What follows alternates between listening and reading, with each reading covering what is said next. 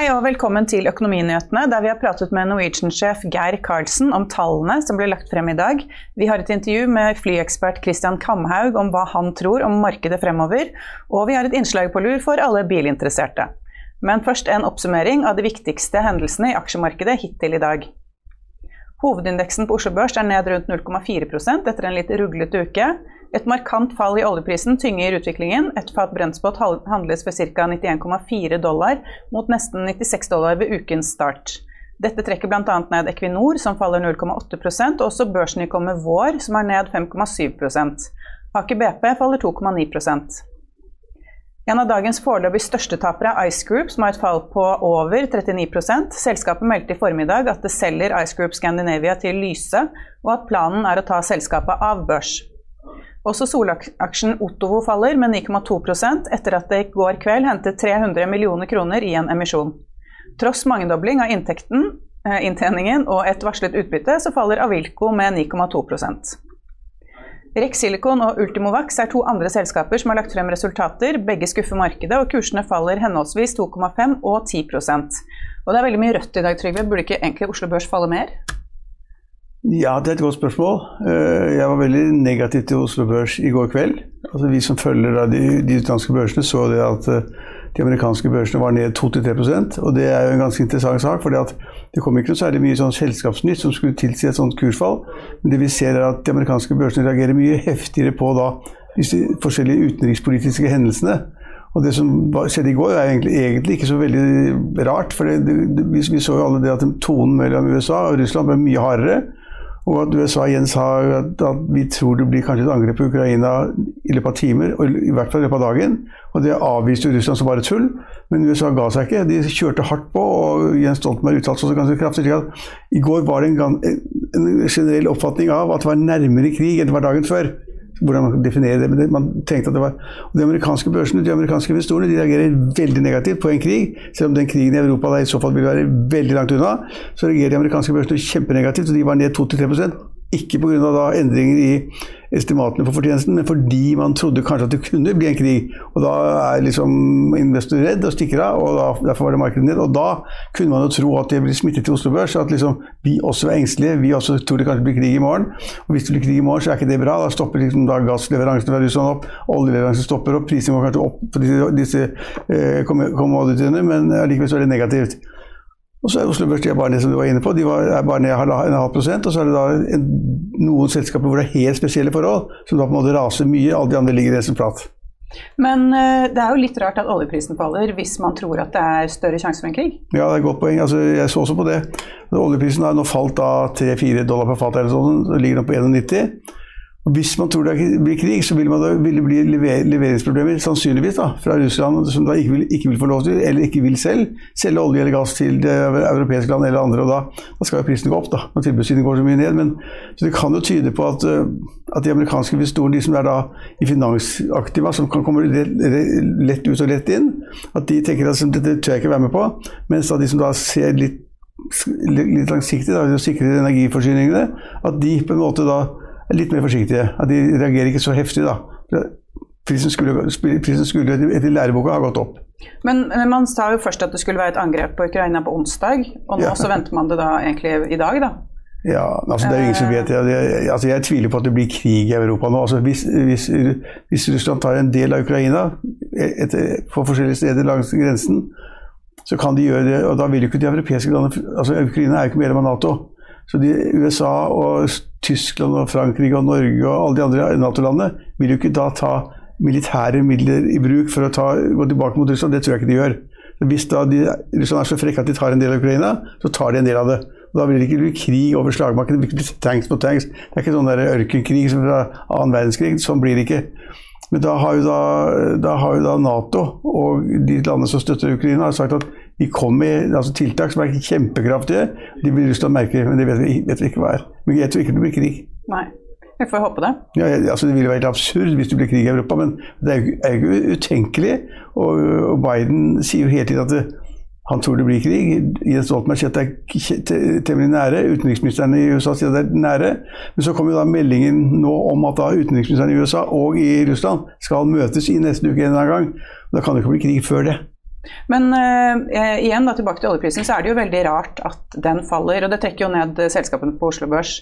Uh, for det, er, det, har jo vært bra for oss egentlig at oljeprisen har vært høy. Ja da, det har vært bra for AS Norge, det har vært bra for mange, mange selskaper innen offshoresektoren. For øvrig mange av dem, de små selskapene er oppe i dag også. Så, men eh, akkurat nå, altså tilbud og etterspørsel ser ikke ut til å virke akkurat nå, da.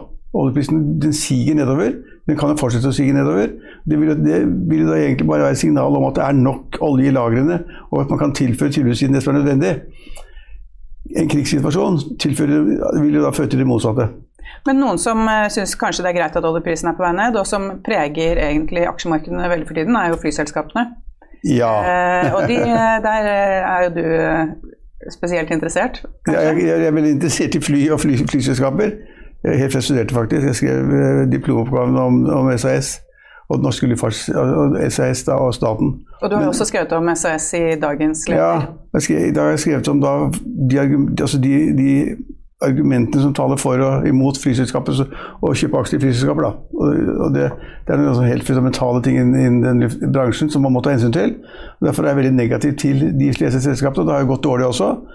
Uh, og så er det det at flyselskapene, som du er inne på nå, altså hvis da flybensinprisen går opp, så tar rammer det altså bunnlinjen ganske kraftig. da.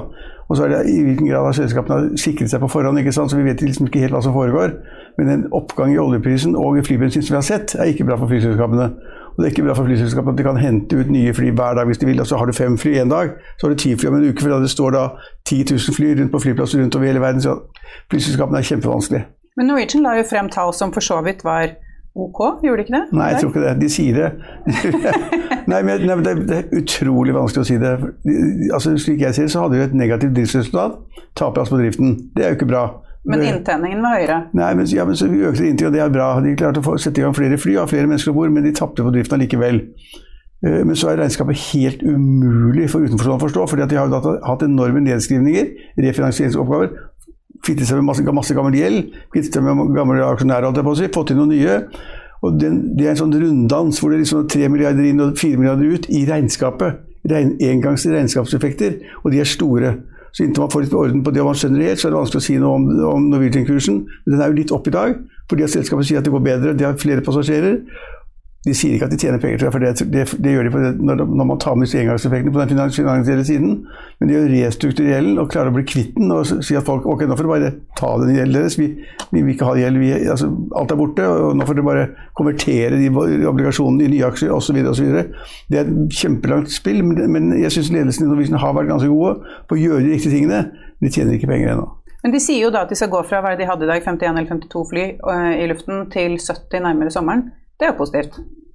Det er positivt hvis det er passasjerer om bord, og hvis de passasjerer som er om bord betaler nok. Ja, det er sant. de, de Eller betaler minst mulig. Ja, men de, de, betaler nok for flyselskapet, da. Ja. Og de klarer å fylle opp med la oss si 60-70-80% belegg. Det er bra.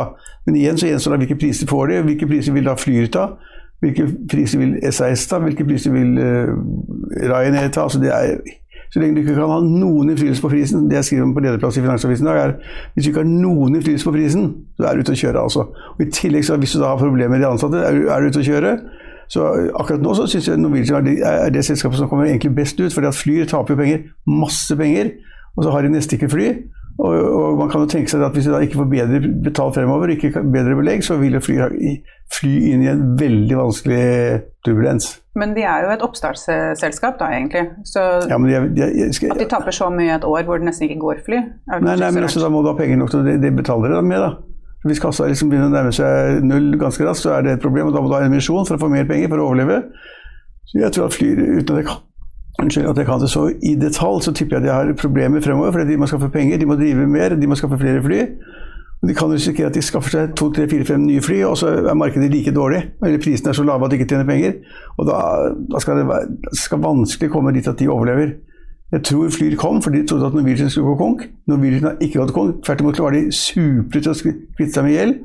Og så har da Fly det problemet at de er veldig små. Men de har jo fått flere, altså flere destinasjoner, da. Så ja. det kommer jo hele tiden noe nytt. Men det er, er, det er bare fem fly, er det ikke det? Nei, det vet jeg ikke, men de, har, de, har, flere destinasjoner enn fly, da, for å si det sånn. Jo, men det er, det er liksom, jeg holdt på å si at det er flere flyselskaper enn passasjerer i, Norge, i verden, ja, men det er ikke det. Men, men, det er utrolig mange flyselskaper også. Så som investering så vil jeg ikke, vil jeg ikke liksom tatt i det med ildtang. Men våre lesere og våre hørere og sånn, de syns at flyselskapet er kjempespennende. Og det, vært, det ble spekulert ellevilt i Norwegian-aksjen i sin tid. Og det har vært også spekulert litt i Flyr, og det kommer til å bli ganske spekulasjoner i Norse også, som skal fly oversjøisk. Men uh, tilbake til SAS, da. Er de nå i den situasjonen som det Norwegian var i for et par år siden, eller for en stund siden? Ja, altså med gjelden sin, tenker jeg. Ja, det er et godt poeng. Altså, gjelden er 33 milliarder kroner. Det er mye. Men så har de, har de litt, uh, de har litt hell, litt flaks. at de har da liksom den svenske regjering og den danske regjering som aksjonærer i selskapet. Og de, de, to landene eier 22% hver. Det er nesten halve selskapet. Så hvis de trenger penger, så kan de, de normalt når man trenger penger, så må man gå til aksjonærene sine og be mer penger enn emisjon. Og de kan jo gå til disse statene. Hvis Sverige og Danmark sier at vi må ha flyselskaper, som er, de må gå, SAS må gå, og vi må være eiere, så legger de selvfølgelig to eller tre eller fire eller fem milliarder på bordet. Men de har 33 milliarder nå, og det, de taper penger som bare skjorta. Og de har streiker pågående i Danmark, og de er truet med også i Norge. Så jeg mener at SAS ligger utrolig dårlig an. Så hvis man skal kjøpe aksjer i flyselskap, kjøp Norwegian fremfor SAS, da? Åpenbart i dag. for Nobility ligger et hakk foran. De har kvittet med gjelden. Det klarte ikke SAS av en av mystisk grunn. De, de fikk ikke, ikke i gang en sånn prosess, og de fikk heller staten til å gi garanti for at de skulle ta opp nye lån selv i selskapet. Ja, så Det er ikke selskapet vi vil bruke sparepengene på, det er det ikke. Men det er veldig fint at vi som kunder har da SAS og Norwegian å velge mellom, og, fly, og Flyr. Det er bra. Men øh, flyprisene har jo ikke falt så mye, egentlig? Selv om uh, markedet er litt åpnet igjen? Jeg, Fly, jeg tenker på flyene? Eller tenker Nei, jeg tenker på hvis man begynner å se på sommerferiene, da. Ja, reisen. Ja, nå tenker jeg på reisen. Ja. For jeg kjøper ikke fly, jeg kjøper flybilletter. Nei, men du kan leie fly, det kan alle gjøre, det får, du får det på dagen omtrent. Men nei, altså, jeg har ikke reist i det siste. Men det siste jeg hører, er jo det at flyprisene er lave. At det er 400 kroner hit. Og... Ja, ja, men eh, det, jeg sjekket sommerferien, og da gikk det plutselig opp 4000 kroner på en uke. Ja, Da er det veldig mange som vil reise på den dagen, til det stedet som du skal reise til. Og da går prisen rett opp. Det heter revenue management på godt norsk. Så jeg må finne mer det er, stu, det er et studium i seg selv, hvordan man skal legge prisen hele tiden, avhengig av hva den var i fjor, i måneden før, av konkurrentene, hva man tjener mest på osv. Så, så skrur de til når det da plutselig blir mange telefoner inn, og du og mange venninner og andre ringer og skal betyde plass. Og plutselig så liksom er det ikke seter igjen, og da bare skrur de opp prisene på de resterende setene. Og i motsatt tilfelle, hvis det er for mange seter, så skrur de prisene ned. Men det virker jo ikke som konkurransen er helt i gang igjen, da. Men når man ja, da får nei, flere fly på markedet, så kanskje det er konkurranse. Det er konkurranse, det er flere flyselskaper overalt. Men eh, de har kanskje ikke så mye, altså så stort tilbud ennå, siden ikke alle flyene er i luften? Nei, nei, altså det, altså, det løsner jo opp nå. Folk vil reise mer, det kommer de til å gjøre. Altså. Det, og det er kanskje en sånn ketsjupflaske at liksom alle, alt kommer til på en gang. Kanskje. Men skal du spørre meg, så jeg tippe at veldig mange som vurderer om de skal ta, ta, en tur til Malaga eller London eller New York eller Thailand eller Mallorca eller hva det måtte være, eller NIS. Folk er fremdeles litt forsiktige. De vet ikke helt hvordan reglene er i Frankrike, de vet ikke helt hvordan reglene er på Mallorca eller i London. Og selv om de slipper opp, så, så jeg tror folk kommer til å holde igjen litt. Og at det blir like mange i fjellheimen eh, og på sjøen og til, til, sommeren som det var kanskje i fjor. Men kanskje folk gjør litt sånn som de gjør tydeligvis da i Kultur-Norge? da, At man kjøper ting på kort sikt, men ikke tør å planlegge på lang sikt? Ja, Det er sannsynligvis riktig at folk holder litt igjen og venter. For de vil se. Er det helt uten risiko ikke sant, å reise dit? Hva blir prisen? Hvor mange skal dit? Kan vi heller ta en tur til Nordmarka? Kan vi sykle med ungene? Eller skal vi leie en hytte på Ustadås? Altså mange vil være hjemme, og mange vil reise med båt. Holde seg hjemme og bruke båt. Det blir færre reiser, men det blir flere. Men det blir færre enn det, var før, da, før pandemien. Altså, det, blir, det blir ikke like mange som det var i 2019. Men øh, det er jo da veldig mange selskaper som har lagt frem tall i det siste, og det er mye som skjer på børsen i dag også. Eh, er det noe spesielt du har lagt merke til? Ja, jeg syns jo det var ganske dramatisk det som skjedde da, da, da Lyse kjøpte opp Ice Group. Skandinavia. Ice Group. Ja. For det betyr at Ice Group gir opp et mobilselskap, og, og Lyse er et energiselskap som manglet da mobil, kanskje, og de hadde da fiber, fiber hva det måtte være. Men poenget er at der, altså Ice er borte. De solgte liksom seg selv til Lyse. Og så fikk de noen milliarder kroner for det. Det så veldig pent ut med en gang. Men det er penger som de har da gjeld, og ting de skal gjøre opp gjennom noen konflikter, rettslige konflikter med andre. Og de må selskapet måtte si, hvilket er veldig sjelden, som måtte si at når vi har gjort opp disse avtalene, fått penger inn fra salget av, da, av Ice til Lyse, så er det ikke noe penger igjen. Det er kassa tom, og det blir ingenting til aksjonærene. Og Da falt jo selvfølgelig aksjekursen 40-50% og nå er den ned 40 nå. Men i prinsippet så skal det ikke være penger igjen i kassa hos, hos, hos Ice. Men hva gjør man da hvis man sitter med en aksje i et selskap som skal bli tatt av børs? Ja, du, ja, ja, du bør selge den før du kommer så langt, da. Eller du blir sittende med aksjer i et selskap som ikke er børsnotert. Det er ikke noen likviditet, du blir ikke kvitt greiene der. Så når dette meldingen kom, så var det bare å kaste ut aksjene du hadde. Og det har da markedet gjort også i, stor, i stort monn, i, i og med det at kursen er da når vi sitter her nå, så er kursen ned 40% det vil Si at egenkapitalen er borte. Kanskje det er en 50 millioner, kanskje det er 10 millioner. Jeg vet ikke hvor mye det er på hvor mange aksjer det er i selskapet, men i, realiteten så er det Ice borte, og uh, Lyse overtatt. Men hvem er det som kjøper de aksjene? Som, Nei, det er ikke, de kan, de kan, du, kan de, du kan leke med dem, du kan gi dem julegaver. Det blir ikke verdt noe, i hvert fall. Men det kan godt tenkes at det dukker opp en eller annen som kjøper de for å ha en posisjon eller gjøre noe morsomt, eller kanskje Lyse kjøper de, eller et eller annet sånt tull. Altså. Men, men, de går mot null. Bare det man må ha i bakhodet. Det er ikke noe særlig håp for Ice-aksjonærene. Nå har du fulgt litt med på Og, og, og ja. Otto må vi nevne. Ja, Solenergiselskapet. Ja, fordi alle er for det. Alle syns det er strålende. Og de har skrytt nå så utrolig hvor flinke de er. I Norge legger sånn solpaneler på takene og garasjen og industribygg og alt mulig rart. Og det er en god idé. Men Jeg kan ikke si hva som har skjedd, men plutselig så måtte de ha mer penger. Så de da hadde en emisjon i går, i går kveld. Ja, 300 millioner. Ja, og da kursen var 16 kroner. Og da vil jo kursen gå rett ned mot det. Det er den prisen. jeg tror den var sånn 16,6 Ja, men kursen går rett ned dit, ikke sant? for folk det er ikke mer verdt. Altså de som har kommet inn, Kanskje for de som kommer inn i en rabatt ved at de tar en stor del av det, eller snille, snille gutter og sånn, så får de en rabatt og så får de litt billigere inn. Men rundt 16 kroner var da det markedet ville liksom estimere da verdien til, og da falt jo kursen litt. Sånn er det. Men det er heller kanskje ikke et selskap man burde sitte i, da, hvis det virker som de trenger penger? eller?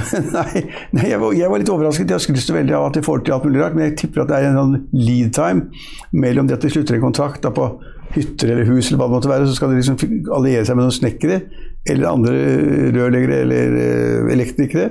som skal legge disse platene på, skal de legges på, så skal de liksom kjøpe inn de materialene og alt det der. Det koster penger, de må finansieres. Og så får de slutt av penger av deg som sluttbruker. At du har fått da sånn solpanel på hytta di. ikke sant? Og det, kanskje er det at den lead-timen og likviditetsflowen er litt for dårlig, så de måtte ha penger. Jeg, jeg var overrasket at de plutselig tenkte hadde den misjonen, og markedet tenkte altså det der liker vi ikke. Så de sendte da selvfølgelig aksjekursen ned til det nivået hvor de nye har kommet inn på. Men eh, jeg vet ikke om du har sett noe særlig på Autostore i dag? Nei, men jeg ser det at det er eh, er ned, for det er ned 8 kommer, cirka, og Så kom det med veldig sterke tall i går. De kom med gode tall. Overrasket meg positivt. De kom med gode tall, det var ganske bra. De tjente penger. Men så tenker markedet kanskje at de ikke ja, de, altså, de har ganske, hatt en ganske høy prising. Da. Jeg mente at det var høyt priset veldig lenge, altfor høyt. Eh, så kom det tall som fikk det liksom opp igjen, og så faller det ned. Så jeg tror at det er, altså det er tungt i det norske markedet nå med en mulig krig, med store fall i USA. Så det er liksom tungt å sitte med høyt prisede selskaper. Altså det, det, det, får man ikke til. Da får det være vårt tips inn i helgen. ja. Ikke høyt prisede selskaper. Nei, altså, nei, det skal man, man skal egentlig kjøpe billig og selge dyrt. Det, liksom det bør man ikke gå på Handelshøyskolen for å forstå. Men, men, det er tider hvor man veldig mye er høyt priset. Altså Selskapet er priset til 30 ganger earnings eller 50 ganger earnings. Man kan ikke gjøre det nå, for faren er stor. For at markedet i USA plutselig sier bang, og så er det ned 5-10 og da følger alle andre aksjene med. Så vær varsom. Vær varsom som alltid. I'll see you in court. Vi sier det ofte litt på spøk, men for deg som driver business, er det aldri moro å innse at du ikke har laget en 100% gyldig kontrakt. Du bør ikke risikere hele firmaet ditt fordi du synes dette med kontrakter er litt stress. En avtale er ikke en avtale. Du kan miste kunder, miste venner, ja, til og med miste inntekter om du ikke lager en skikkelig kontrakt, på alt mulig, egentlig. Men vi vet det er et styr, kopimaskiner, tregprinter og haugevis av papir. Dessuten stoler vi jo på folk her i landet.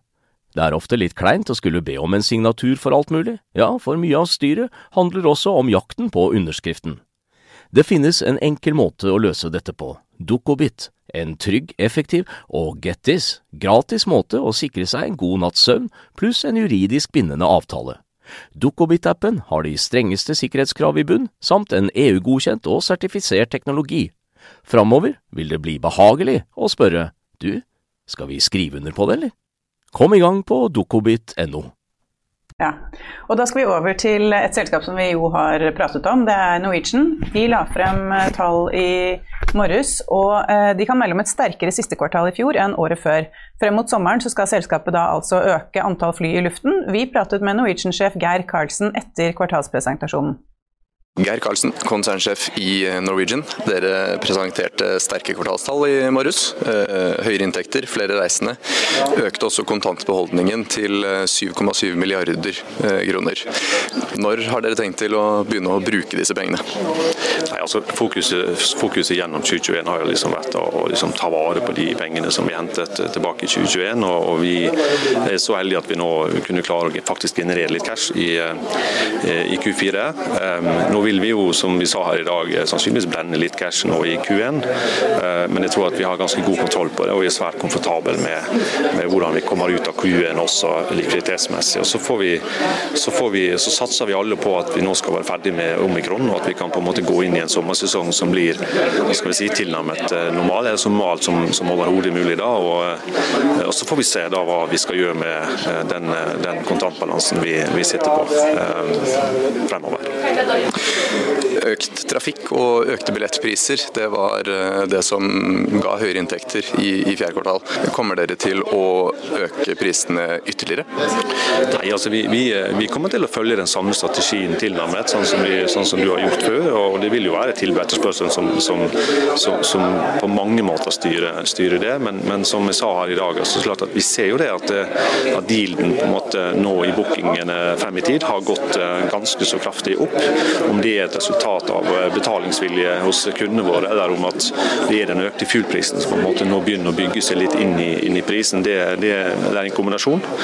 Eh, men, men, men vi har ikke noe, sånn, uttalt ønske om å, altså, mål om å eller, altså, om å øke billettprisene kraftig. Det vil være på en måte etterspørselen som, som, som bestemmer. Mm.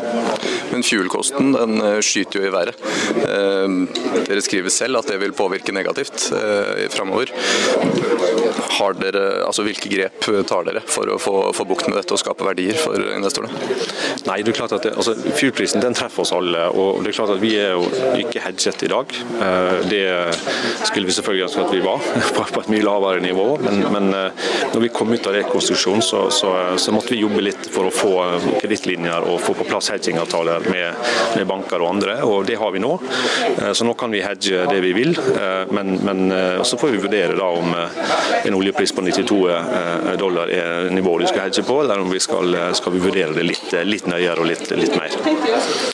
Nå har vi markedet et, et, ungt og fremoverlent Flyr, et SAS som ligger nede med brukket rygg, flere andre aktører. Hvordan tror du dere vil gjøre det, sammenlignet med konkurrentene fremover? Altså, jeg tror at Norwegian, slik som selskapet ser ut i dag, så er det jo et ganske sånn resatt selskap finansielt. Altså, vi, vi, sitter der nå med en, en, en veldig relativt solid balanse. Vi har eh, betydelig mindre gjeld enn det vi har hatt på veldig lang tid. Eh, vi er i ferd med å, på en måte, å få til et kostnadsnivå i selskapet som, som jeg mener bør være konkurransedyktige mot enhver som skal komme inn i, i det markedet vi opererer med. Så, så, så vi, vi, føler vi, vi, er godt, vi er veldig godt skodd, veldig godt forberedt forberedt på, på å konkurrere. Eh, og, og, vi er veldig vant til å konkurrere også, eh, og, og vi lever godt med det. Eh, og så får tiden vise hvem som, hvem som kommer best ut av ja, den konkurransen. Vintermånedene de er tøffe i flyindustrien. Hva anser du som den største utfordringen for Norwegian framover nå? Nei, altså, Nå er vi jo inne i et sånt, eh, litt sånn uh, slitsomt kvartal akkurat nå. Men samtidig så er det jo, løftes vi jo på restriksjoner nå gjennom Europa også. Og, vi forventer jo at vi, at vi, kommer til å få en veldig bra sommersesong. Så nå er det egentlig bare å sørge for at vi er klar når, når, den, når den, kommer. Og, så, bare passe på at vi ikke gjør noe dumt nå gjennom dette kvartalet. Men vi ser jo allerede nå at selv for Q1 så, så ser vi jo en kraftig økning i, i booking, som vi viste her på presentasjonen i dag også. Så, så ting ser jo, ser jo, bra ut, altså. Må si det. It's, it's good to, uh, to kind of close the chapter of, uh, of 2021. It has certainly been a, a, a, special year, and I guess we can all say a year for, uh, for, the, for the memory books. En som imidlertid ikke tror veien videre blir like lys for flyselskapene i Norge, er luftfartsekspert og programleder i Flypodden Christian Kamhaug. Han ser for seg at selskapene kan få hard konkurranse fremover, uten at det nødvendigvis betyr prisfall for oss passasjerer. Kristian Kamhaug, det er en, eh, si, en, litt sånn himmel og helvete-situasjon for eh, luftfarten nå. Det har vært to ganske tunge år for alle som er i luftfarten, samtidig som det nå liksom ligger an til å bli ganske reisefeber utover våren. Hva er det egentlig som skjer i luftbransjen akkurat nå? Det, er jo den ketsjup-effekten som alle går og venter på nå. At nå har folk sittet to år hjemme og er veldig sugne på å reise. Eh, og så har du en del selskaper eh, som er ekstremt gjeldstynget, eh, som sliter, samtidig som vi nå har en økende oljepris. Eh, som gir økte kostnader. Og så har du eh, crew som, som krangler litt og, og er, gjør litt sånn Særlig i SAS så er det litt, ja, litt, litt krig der.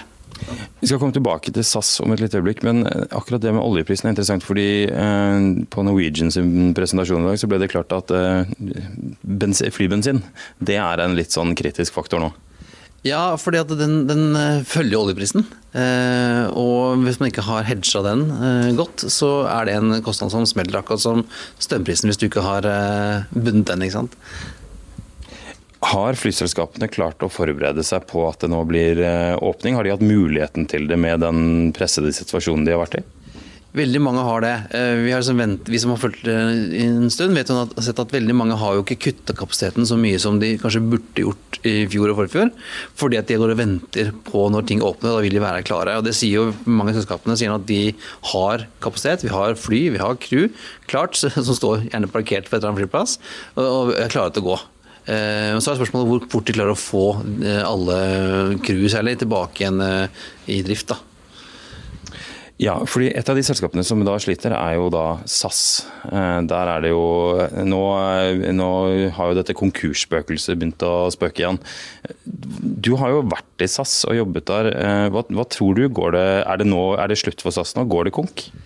Jeg tror nok ikke det går konk. I hvert fall ikke sånn konk av typen eh, vi stenger døra og kaster nøkkelen og, så går vi hjem. Men eh, en, kanskje en, en sånn kraftig restrukturering, sånn som Norwegian har vært gjennom. Norwegian har gjort en kjempejobb med å restrukturere og bli kvitt masse gjeld. SAS er jo i den motsatte situasjonen nå, at de har masse gjeld. Og og dårlige inntekter. ikke sant? Så, så det, det, henger jo ikke godt sammen. Så et eller annet må skje der. Eh, på å få mer penger inn i kassa, eller eh, bli kvitt gammel gjeld og gjøre noe med de avtalene som jo Eh, fellesskapet diskuterer noe med, med fagforeningene om å gjøre. Ja, altså Det med høy gjeld, restrukturering, krangling med de ansatte, det har vi jo, altså Du nevner at Norwegian har vært flink på det, men det har jo vært et problem for SAS siden før Norwegian i det hele tatt var et selskap? Ja, det var, har vært i perioder. Eh, det var ganske mange år etter eh, De var nesten konkurs i 2012. Så var det litt fred og ro og, og en veldig optimisme en god stund. og så var de jo veldig på vei opp. Altså, før pandemien så var jo Norwegian på vei ned, men SAS veldig på vei opp. Og Så smalt pandemien eh, og gjorde det veldig veldig vanskelig for, for, alle. Og Så har Norwegian klart en kjempejobb med det å restrukturere gjelden sin, bli kvitt mye. og Nå sitter de på en masse, masse, masse cash, som gjør at de er veldig godt posisjonert for denne, denne ketsjup-vekten som kommer. Ja, for SAS har vel rundt 30 milliarder i gjeld, og Norwegian ligger likevel på en ganske høy gjeld. De har 15-16 milliarder. Altså, hva, er, hva, er, forskjellen her mellom SAS sin gjeld og Norwegian sin gjeld i den uh, situasjonen de er i nå? Altså, Norwegian har blitt kvitt mye av den, av den vonde gjelden, og så har de jo veldig mye cash på bok eh, og cash-ekvivalenter, så de ligger veldig godt an. Mens SAS har veldig mye av denne hybridkapitalen, og de har jo altså, nesten, nesten, nesten ikke mer egenkapital igjen. Så det må gjøres noe med. Ja, for Norwegian sier jo at de skal brenne cash nå, sier jo Geir Karlsen i dagens eh, kvartalspresentasjon. Ja, det gjør jo alle. Altså, Norwegian brenner vel nå en 80-90 millioner i måneden i cash. Eh, Flyr brenner 50-60 millioner i måneden. Eh, og SAS uh, orker jeg ikke å tenke på engang, som, som aksjonær, og, og gamle ansatte her. men nå er det sånn, som vi snakket om, nå er alle klare for å dra. Og Det så vi som når Flyr lanserte sitt sommerprogram, SAS lanserte sitt sommerprogram. så er det for at nå, nå må, må de få solgt billetter, slik at det kommer penger inn i kassa. Stemningen i SAS er jo da dårlig. Eh, Flyr har sånne kampanjer på Facebook hvor alle de ansatte sklir glade rundt på landingstrippene. og eh, Norwegian, altså, Hvordan er egentlig stemningen i de ulike selskapene utenom SAS? Det virker som om stemningen i, eh, i Flyr er veldig optimistisk. De er jo et nytt team som skal ut og ta, ta verden med storm. Har liksom ikke helt tatt av som de kanskje hadde trodd. Ligger litt etter. Norwegian er, jo veldig, de er jo veldig bullish, de er jo veldig på og skal liksom ta igjen mye av det tapte. Og så tror jeg det er en del frustrasjon og usikkerhet i SAS om hvordan, hvordan det blir her.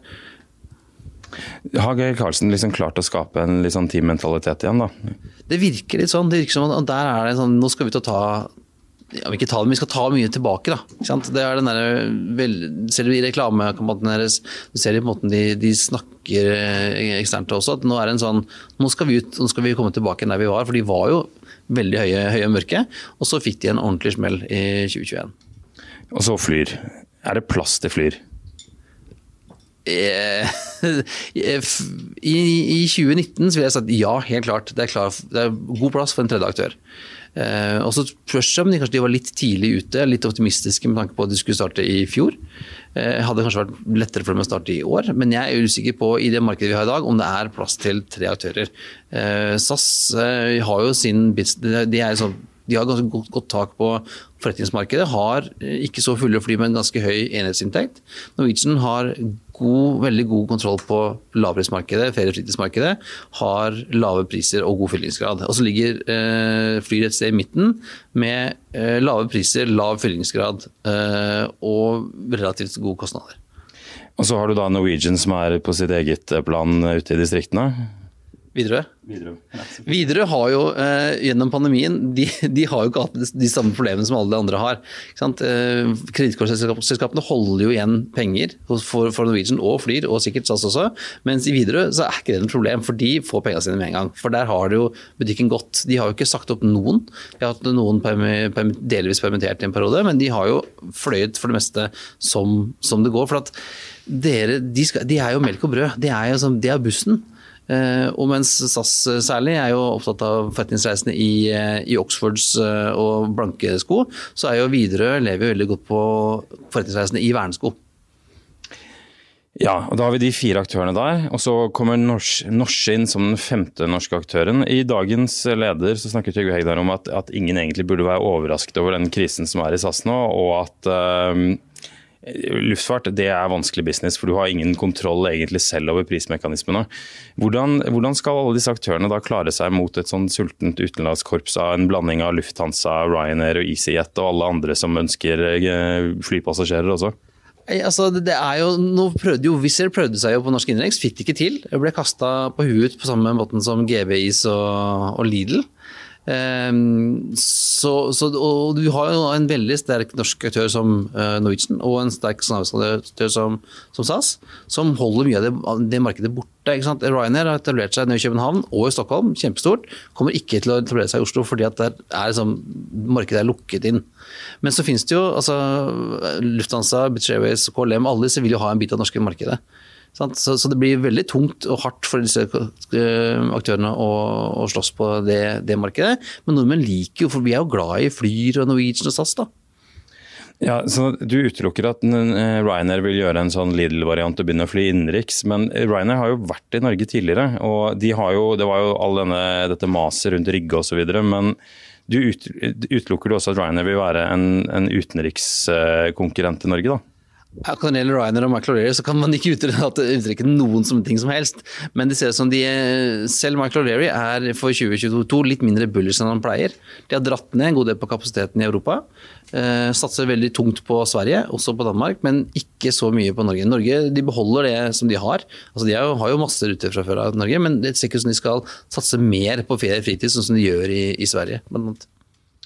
Det som også har vært en, case, er jo liksom Under pandemien så har alle gått og snakket om at ja, men eh, når eh, dette bare er over, så skal vi ut og fly, og da kommer flybillettene til å være rasende billige og bla, bla, bla. Men hvis man gjør noen kjappe søk nå, så er det ikke så billig som man på en måte har forventet at det skulle være. Det har kanskje noe med kapasiteten, også nåværende kapasitet å gjøre. Når, når vil vi se at flyprisene, eller, eller flybillettprisene liksom stuper mot gulvet?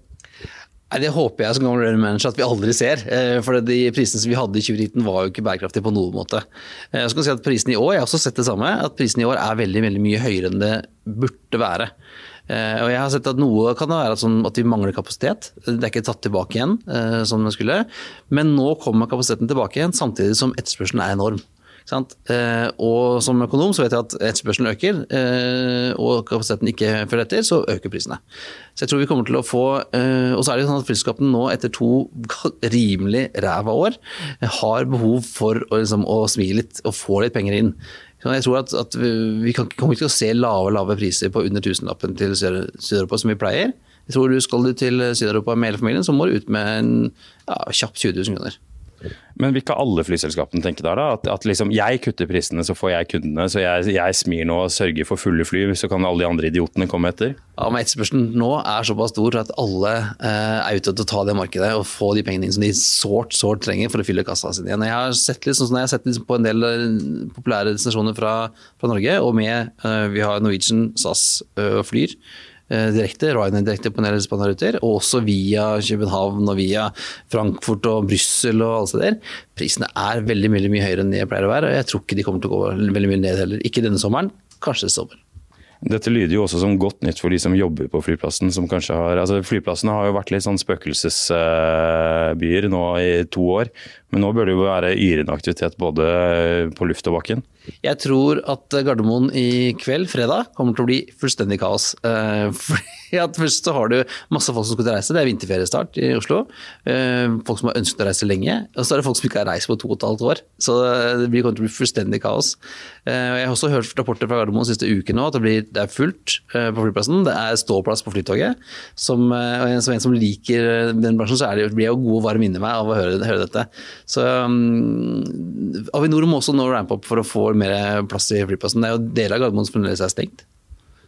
Så 120 kroner for en halvliter, det blir eh, lett å svelge i starten av vinterferien, med andre ord? Ja, du, jeg tror hadde jeg, hadde jeg, vært pricing manager på en av disse eh, kafeene eller barene på Gardermoen, så hadde jeg tatt den opp en 50 eh, til.